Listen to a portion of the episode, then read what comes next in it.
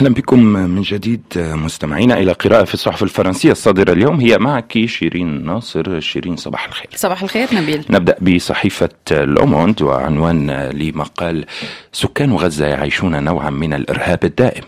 باسكال هانت رئيس بعثة اللجنة الدولية للصليب الأحمر في قطاع غزة يتحدث لكلوتيلد مركفو عن استعدادات اللجنة في حال شنت إسرائيل لعملية عسكرية على رفح ويشير إلى أن المهم أن يتواجد العاملون في المجال الإنساني إلى جانب الفلسطينيين حتى لو لم يكن هناك الكثير مما يمكن القيام به.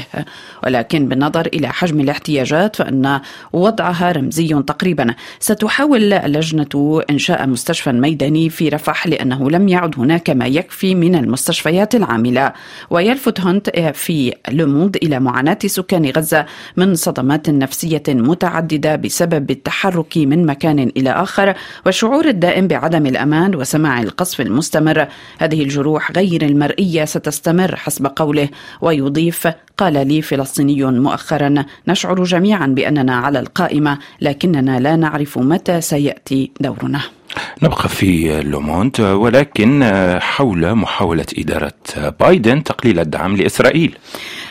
نقرأ لبيوتر سمولر أنه بعيدا عن مصير رفح هناك اختلافات متزايدة بين المنظورين الأمريكي والإسرائيلي. فإدارة بايدن تريد اليوم أن تبدو بناءة وتعزز حل الدولتين حالمة بقفزة إقليمية كبيرة إلى الأمام التطبيع بين السعودية وإسرائيل. كما أن التعديلات مثل رفض بايدن التحدث إلى نتنياهو وفرض العقوبات على المستوطنين لم تغير معايير الدعم الأمريكي بأي شكل من الأشكال وهو ما ينذر بح حريق وفق وصف سمولر ويهدد بايدن قبل الانتخابات الرئاسية داخل اليسار والمجتمع العربي المسلم الوازن في ميشيغان التي ستشهد قريبا انتخابات تمهيدية. ستكون نتائجها اختبارا للحزب الديمقراطي وللرئيس.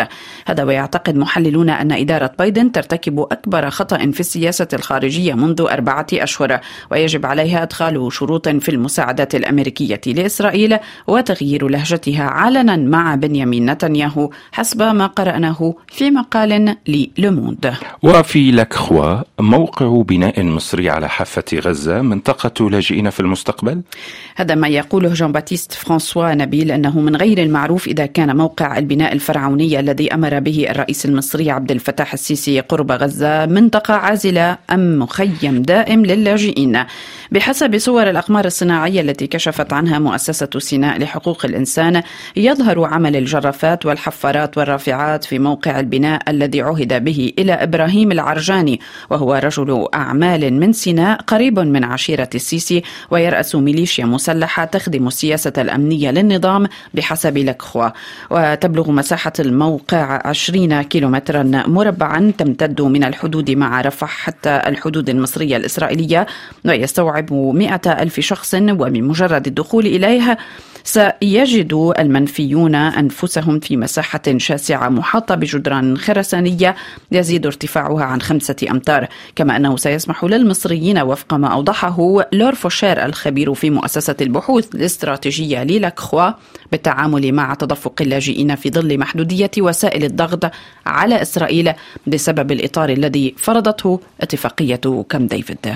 إلى اليومانيتي وكيف التي تخشى الهزيمة بعد عامين من الصراع تشير الصحيفة إلى أنه لمواجهة فشل الهجوم الأوكراني المضاد إذا ظل دعم الأوروبيين هائلا بالكاد يعتقد 10% الآن أن أوكرانيا يمكنها هزيمة روسيا وفقا لمسح أجره مركز أبحاث المجلس الأوروبي للعلاقات الدولية. ويعتقد مارك ليونار من المحكمة الأوروبية لحقوق الإنسان أن معظم الأوروبيين يريدون بشدة منع انتصار روسيا ولكنهم لا يعتقدون أن كييف يمكن أن تفوز عسكريا.